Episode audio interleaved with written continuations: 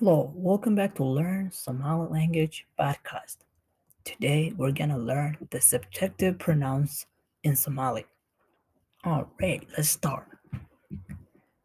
Pronouns like I, you, you all, we, he, she, they.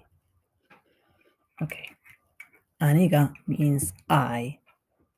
Adiga, you. Idinka, you all. Anaka, we. Isaga, he. Iyada, she. Iyaga, they. Once again, I, aniga, I. Adiga, you. Idinka, you all. Anaka, we. Isaga, he. Iyada, she. Iyaga, they. There's a small difference between she and they. Listen carefully. She, iyada. They, iyaga. There's only one letter difference. Iyaga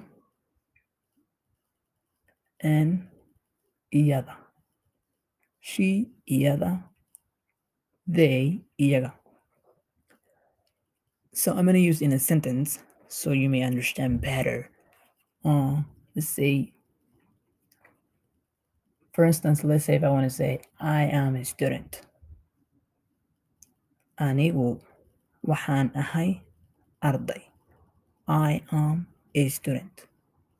I am a student. Anigu waxaan ahay arday.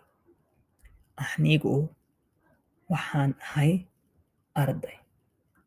You are a student.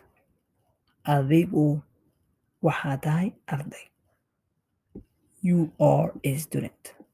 Adigu waxaad tahay arday. You all are students. Idinku waxaad tihiin arday. We are students. Annaku waxaan nahay arday. He's a student. Isagu waa arday.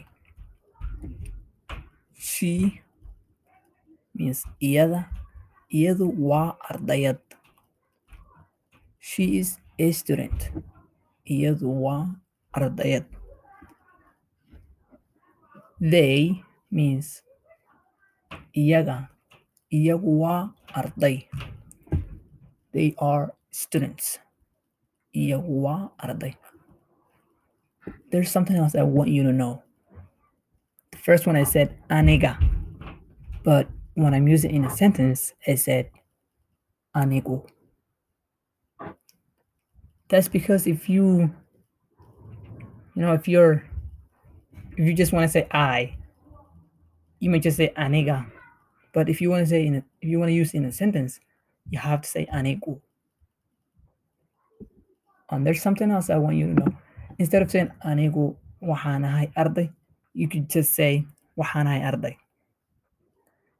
You could you could skip the uh, I because if you say waxaan ahay arday, you're already saying I am a student without even saying I. I know this is weird, but this does exist in in Arabic language. You see, the word kharaja, kharaja means he went out but I don't see I don't see huwa in front of kharaja. That's because who is built in the verb. Is or it, it, it already means he went out. So I don't have to bring huwa one more time, you know.